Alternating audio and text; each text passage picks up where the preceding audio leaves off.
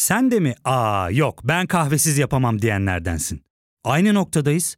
İlk ve tek kahve üyelik uygulaması Frink'le tanış. Hem bütçeni koru hem de hiç bitmeyen kahvenin tadını çıkar. Yakınlarından terapinin onlara ne kadar iyi geldiğini dinlesen de kendin için bir şeylere başlamak zor geliyor olabilir. Ya da sevdiklerine yardım etmeye istekliyken kendi ihtiyaçlarını görebilmek.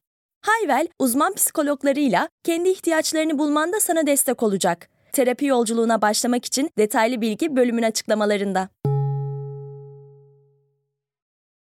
Merhaba, Trend Topik'in 87. bölümüne hoş geldiniz. Alışkın olduğunuz sesle karşılaşmadığınızın farkındayım. Ben Ozan Gündoğdu.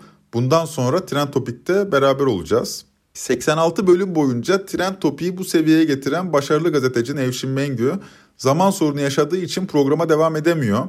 Kendisine sizlere selam var. Gerçekten bunca zamandır Trend Topik gündemi en iyi analiz eden içeriklerden biri olmayı başarabilmişti.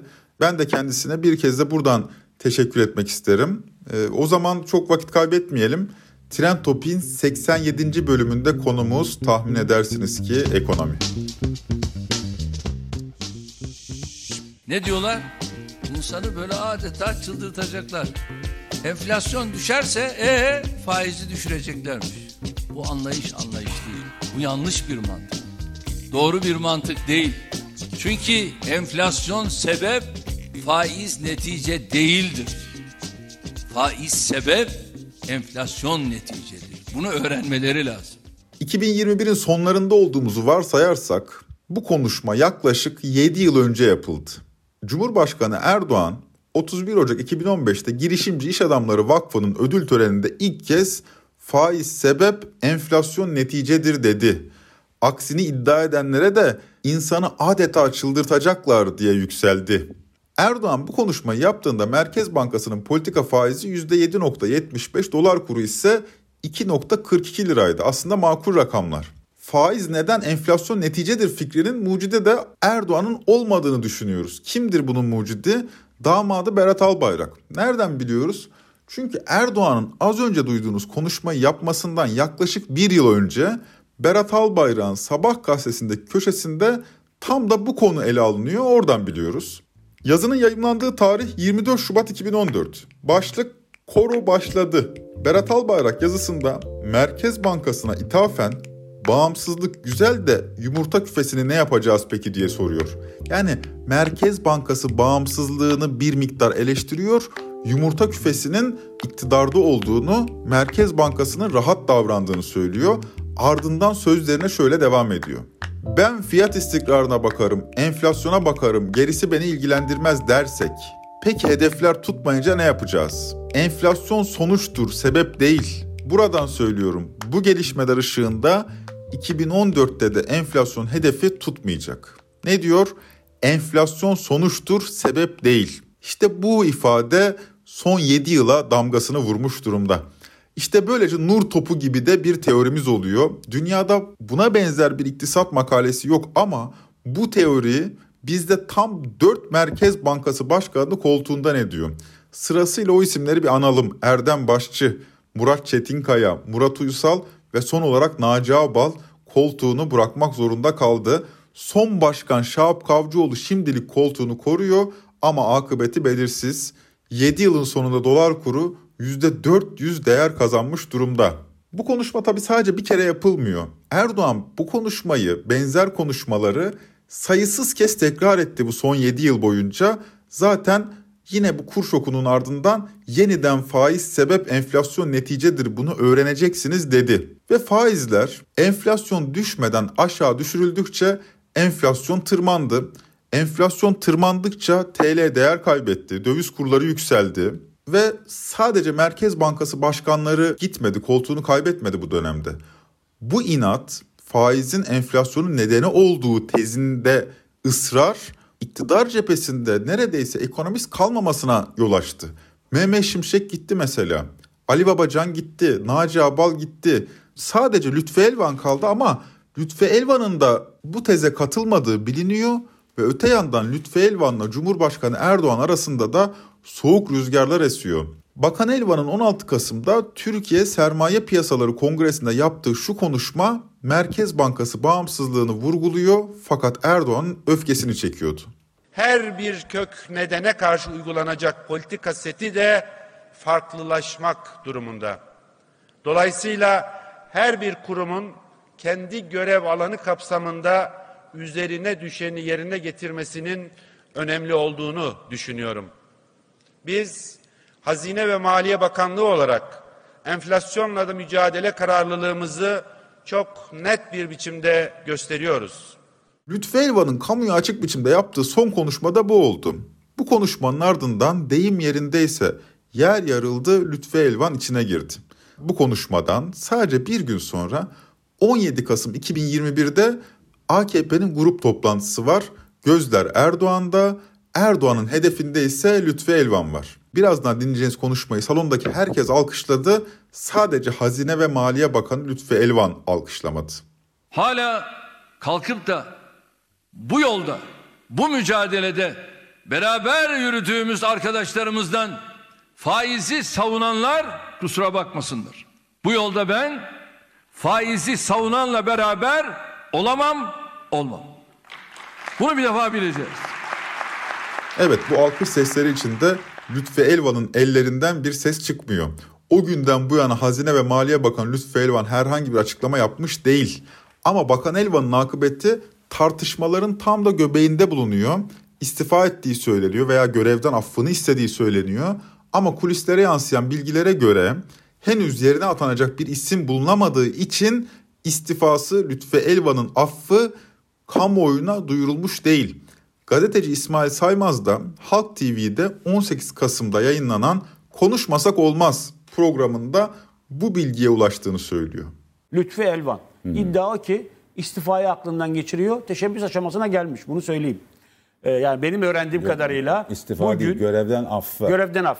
Bugün, yarın, önümüzdeki günlerde Lütfi Elvan'ın görevden affını e, ve bunun üzerine tweet atarak Naci Abal gibi teşekkür etmesini bekleyebiliriz. Dolayısıyla ortada sadece ekonomik değil bir de siyasi kriz var. Siyasi kriz ekonomik krizi derinleştiriyor.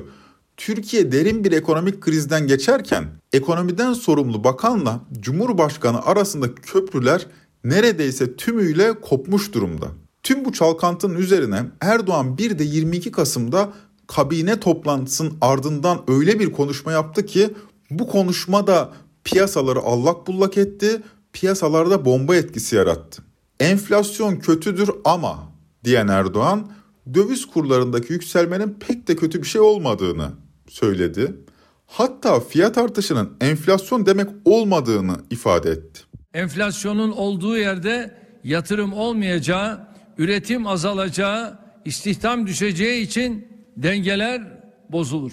Buna karşılık sadece kurdaki yükselişe bağlı olarak kimi ürünlerde ortaya çıkan fiyat artışı ise yatırımı, üretimi ve istihdamı doğrudan etkilemez. Tam tersine kurdaki rekabet gücü yatırımda, üretimde ve istihdamda artışa yol açar. Ülkemizde yaşanan durum tam da budur. Yani fiyat artışıdır. Erdoğan bununla da yetinmeyip konuşmasının devamında nur topu gibi yeni bir iç mihrak. Kim onlar? Mandacı ekonomistlere seslendi. Ekonomik bir kurtuluş savaşı verildiğini söyledi ve kurdaki yükselişi fiyatlara yansıtan fırsatçıların da tepesine tepesine binileceğini ifade etti. Felaket tellallarının gürültülerini bunun için dikkate almıyoruz. Mandacı iktisatçıların reçetelerine bunun için itibar etmiyoruz. Tüm bunlarla beraber kurdaki yükselişi bahane ederek hiçbir mantıklı izahı olmayan fahiş fiyat artışları yapan fırsatçılara da göz açtırmayacağız. Hepsinin de tepesine tepesine bineceğiz. Bu konuşmanın ertesi günü tarih 23 Kasım 2021 şimdiden kara salı olarak anılmaya başladı bile. Dolar kuru gün içerisinde %17'ye varan artışla 13,5 TL seviyesine kadar yükseldi. Günü 12.30 TL seviyesinden kapattı. Bir günde dolar kuru 1 lira arttı. Tabi böyle bir panik akşamına protestolara neden oldu. 23 Kasım akşamına hükümet istifa sloganları damga vurdu.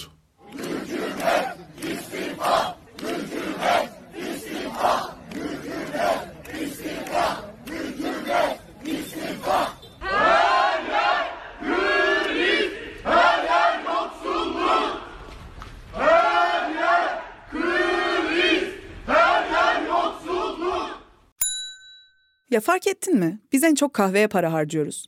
Yok abi, bundan sonra günde bir. Aa, sen Frink kullanmıyor musun? Nasıl yani?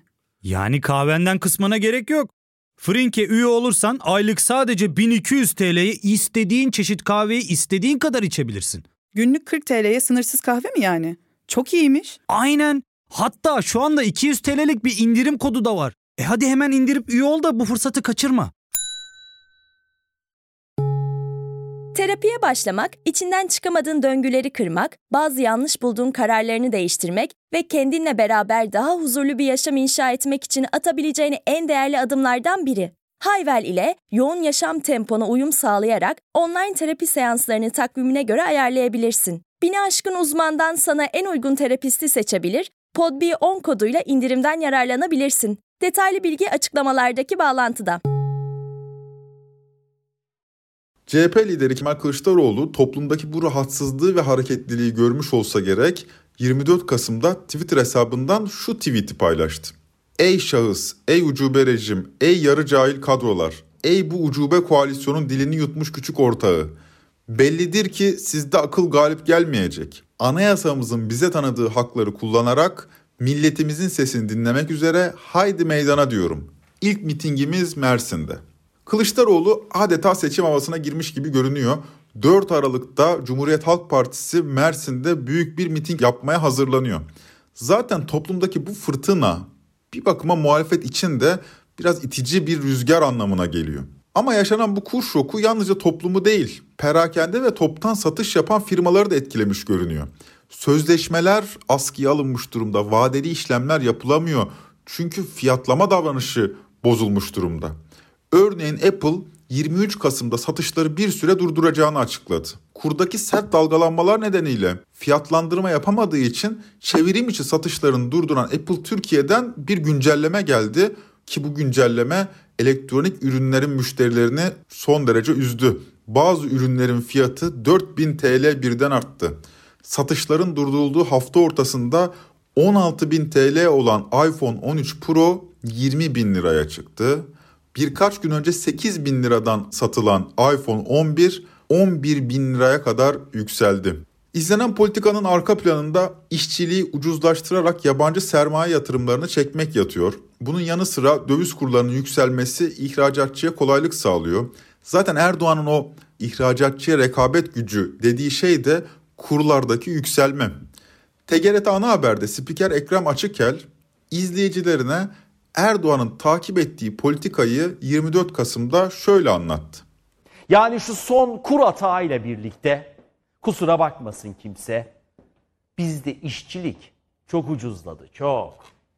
Efendim tez işçilik ucuzladıkça üretim Türkiye'ye kayacak. Kulağa hoş geliyor bekliyoruz. H&M kaydırmaya başladı. Zara ciddi anlamda bekliyoruz. Nike özellikle ayakkabı üreticileri Türkiye'ye çağırıyor. Çok kaliteli üreteceğiz diyorlar ki güveniyoruz üretim hatlarımıza. Bekliyoruz. Efendim 1 Ocak 2021 itibariyle Türkiye'de asgari ücret ne kadardı? Ezbere biliyoruz. 2825 lira. 90 kuruşu da var. Ben iskonto yaptım. Ne kadardı 1 Ocağın dolar kurunda? 382 dolardı. Çin'de 360 dolarlarda düşünün. Peki geldik mi 23 Kasım'a? Bugün salı. Unutulmaz gün öyle ya. Asgari ücret ne kadar? Hala 2825 lira. Bugünkü kurla döndüğünüzde dalgalanma var ama kabaca yuvarlayalım. 220 dolar. Bakar mısınız? Gerçekten çok ucuz bir işçilik. Umarım negatif görünen pozitife dönüşür. Evet artık Türkiye'de asgari ücret Çin'den ucuz hem de %40 daha ucuz öyle az da değil. Ancak kurdaki belirsizliğin nereye kadar gideceği bilinmiyor. Milyonlarca insanın tedirginliği de giderek artıyor. 25 Kasım'da toplanan Milli Güvenlik Kurulu'nun gündemine bile ekonomi giriyor. Toplantının sonuç metninde şunlar kaydedildi. Türkiye'nin inşa ettiği sağlam altyapı üzerinde hedeflerine uygun şekilde yatırım, üretim, istihdam ve ihracat odaklı ekonomi politikalarını hayata geçirme sürecinde karşılaştığı ve karşılaşabileceği sınamalar ile tehditler değerlendirilmiş, Cumhuriyetimizin 100. yılına her alanda olduğu gibi iktisadi olarak da güçlü şekilde ulaşma kararlılığı teyit edilmiştir. Şimdi Milli Güvenlik Kurulu sonuç metinleri uzun cümlelerden oluşuyor ama şu kısım tartışmalara yol açtı. Ekonomi politikalarını hayata geçirme sürecinde karşılaştığı ve karşılaşabileceği sınamalar ile tehditler. Bu sınamalar nedir? Tehditler nedir? Bu sorulara bir cevap bulunabilmiş değil, bu sorular sorulabilmiş de değil daha doğrusu. İktidar cephesine döndüğümüzde ise henüz ortada bir krizin olduğunu kabullenen kimse yok. TL'nin değer kaybı rekor seviyelere çıkmasından sonra akaryakıt fiyatlarına bir günde 1 TL'ye varan zamlar yapıldı. Bu zamlar tabii yoksullukla bir yandan da mücadele eden halk kesimlerinin benzin istasyonlarında sıraya girmesi neden oldu. İstasyonların önünde yüzlerce metre kuyruklar oluştu. Bu tabii gündem de yarattı. AKP Elazığ Milletvekili Zülfü Demirağ ise ortaya çıkan bu akaryakıt kuyruklarını şöyle değerlendirdi. Kuyruk nereden kaynaklanıyor biliyor musunuz? Bunu ben plan bütçe komisyonunda bir iki defa daha altını çizerek söyledim. Araç sayısı fazla ondan kaynaklı. Bunu ara ara o resimleri gösterip sanki efendim zamlardan kaynaklı kuyruk varmış gibi göstermeye çalışan özellikle troll medyacılığı yapan bir kesim var. Onların aktarımıdır bu. Dolayısıyla böyle bir şey yoktur diyorum ben. Demir akaryakıt kuyruklarını toz pembe bir yorumla artan araç sayısıyla açıklasa da iktidar cephesinden kimse henüz halk ekmek kuyruklarına bir açıklama getirmiş değil. Özellikle İstanbul'da yine yüzlerce metrelik ekmek kuyrukları sosyal medyanın gündeminde. Ama krizi reddetmenin başka yöntemleri de var. Ne gibi? Türkiye'ye değil yurt dışına odaklanalım. Başka ülkelerin özellikle de Almanya'nın daha kötü olduğuna ilişkin iddialar Türkiye'deki krizi unutturabilir mi? Bakın Türkiye Gazetesi yazarı Cem Küçük 28 Kasım'da ne diyor? Almanya'da, bakın Almanya bizden büyük bir ekonomi. Baktığı filan çok büyük ekonomi kabul. Bizden her ama Almanya'da emekli maaşları yetmediği için gazoz kapağı toplayan yon binlerce binlerce insan başka iş yapanlar var. Tek maaşı yetmediği için tabii ki bizden büyük orada ama 2500-3000 euro geliriniz yoksa Avrupa'nın herhangi bir şehrinde yaşama şansınız yok. Ekonomi halkın ve muhalefetin gündemi olmaya devam ettikçe ekonomik kriz Erdoğan'ın da temel gündemlerinden biri olmaya devam ediyor. Ekonomik krize ilişkin iletişim stratejisi de bizzat Erdoğan tarafından üstlenilmiş durumda. Çünkü ekonomiden sorumlu bakan Lütfi Elvan'la Erdoğan arasındaki gerilim Lütfi Elvan'ın iletişimde denklem dışı kalmasına neden oluyor. Erdoğan'ın da üzerinde böyle bir ilave yük oluyor. Bu nedenle sürekli ekranların karşısında, kamuoyunun karşısına çıkarak ekonomik krize ilişkin açıklamalar yapıyor. Mesela hem dün yani 30 Kasım 2021'de TRT'de hem de bugün yani 1 Aralık'ta grup toplantısında yaptığı konuşmada Erdoğan düşük döviz kurundan memnun olmadığını şu şekilde söylüyor. Faizleri artırarak paradan para kazanan tüfeğlileri sevindirmek yerine faizi düşürerek yatırımı ve üretimi kolaylaştırıyoruz. Zira faiz zengini daha zengin, fakiri daha fakir yapan bir melanettir. Çıksın birisi siz faizi düşürerek, üretimi ve istihdamı artırarak yanlış yapıyorsunuz desin. Yine çıksın birisi yüksek faiz ve düşük kur istihdamı artırır, siz yanlış yapıyorsunuz desin. Diyemez. Çünkü doğrusu bizim yaptığımızdır. Eğer biz yanlış yolda ilerliyor olsaydık, başkaları üretim ve istihdam güçlerini daha fazla artırarak önümüzü keserdi. Halbuki şu anda tüm sektörlerde yeni yatırımlarla, yeni makinelerle, yeni istihdamlarla kesintisiz bir kapasite büyütme yarışındayız. Biz ülkemizi fırsatını bulduğunda hemen kaçıp gidecek sıcak paranın cenneti haline dönüştürmek yerine kalıcı kazanımlarla sonuçlanacak yatırımlara kavuşturmanın mücadelesini veriyoruz. Cumhurbaşkanı düşük kurun Türkiye'yi bir ithalat cenneti haline çevirdiğini, bu nedenle yüksek kurun hem ihracatçıya avantaj sağladığını hem de yüksek kur sayesinde cari fazla verileceğini iddia ediyor. Aslına bakarsanız bu konuda hakkı da var. Çünkü geçmiş yıllardaki kur şokları, bir ödemeler dengesi krizi 94 ve 2001'de hatırlarsınız yaşamıştık. O dönemlerde yaşanan kur şoklarından sonra gerçekten cari fazla verilmişti. Ancak bu sürdürülebilir bir durum değildi. Bunun sürdürülebilmesi köklü yapısal dönüşümleri de gerektiriyordu. Öte yandan bu dönemlerde aynı zamanlarda halkın alım gücü de sert şekilde düşmüş. Tıpkı şimdi yaşadığımız gibi. Fakat Erdoğan bu tip bir dönemin çok kısa bir sürede cari fazla verilecek sürece evleneceğini iddia ediyor. Yani çok kısa bir sürede Türkiye hem büyüyecek hem de cari fazla verecek. Fakat ekonomi yönetimindeki çelişkili hamlelerde birbiri ardına geliyor. Erdoğan düşük kurun kötü bir şey olduğunu, Türkiye'yi ithalat cennetine çevirdiğini söylüyor söylemesine ama bir Aralık'taki bu sözlerinden sadece birkaç saat önce Merkez Bankası piyasaya doğrudan müdahale ettiğini yani rezervlerinden döviz satarak döviz kurunu aşağı çekmeye çalıştığını bir basın aşamasıyla duyurmuştu. Yani anlayacağınız aslında ortada koca bir çelişki var. Bir yanda Erdoğan düşük kurun Türkiye'yi ithalat cennetine çevirdiğini, dolayısıyla kurlardaki yükselmenin ekonomi politikasının bir gereği olduğunu söylüyor. Ancak diğer yanda bunu söylemesinden yaklaşık bir saat önce Merkez Bankası piyasaya rezervlerini satarak doğrudan müdahale ediyor.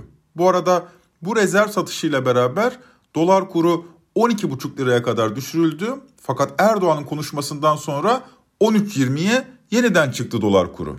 Bütün bu çalkantılar olurken ekonomiye yön veren sivil toplum kuruluşlarındaki sessizlik de dikkat çekici konumda. Mesela Türkiye Esnaf ve Sanatkarlar Konfederasyonu, Türkiye Odalar ve Borsalar Birliği, Türk İş, TÜSİAD, MÜSİAD gibi kuruluşlar endişeli olduğunu bildiğimiz kuruluşlar ama sessizler. Ekonomi ve kurdaki yükseliş seçimlere kadar ülkenin en önemli gündemi olmaya devam edecek gibi duruyor.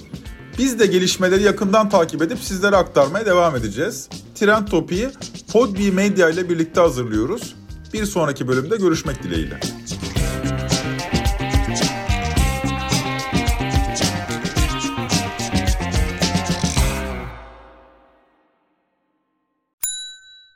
İlk ve tek kahve üyelik uygulaması Frink, 46 ildeki 500'den fazla noktada seni bekliyor. Açıklamadaki kodu girerek sana özel 200 TL'lik indirimden faydalanmayı unutma. Hadi sen de Frink üyeliğini başlat, kahven hiç bitmesin. Hem bugününe hem yarınına katacaklarıyla terapi yolculuğuna ve daha iyi hissetmeye bugün Hayvel ile başla. Açıklamadaki linkten Hayvel'i indir, ücretsiz tanışma görüşmelerinin ardından bütçene uygun seans paketini seç ve terapi yolculuğuna başla.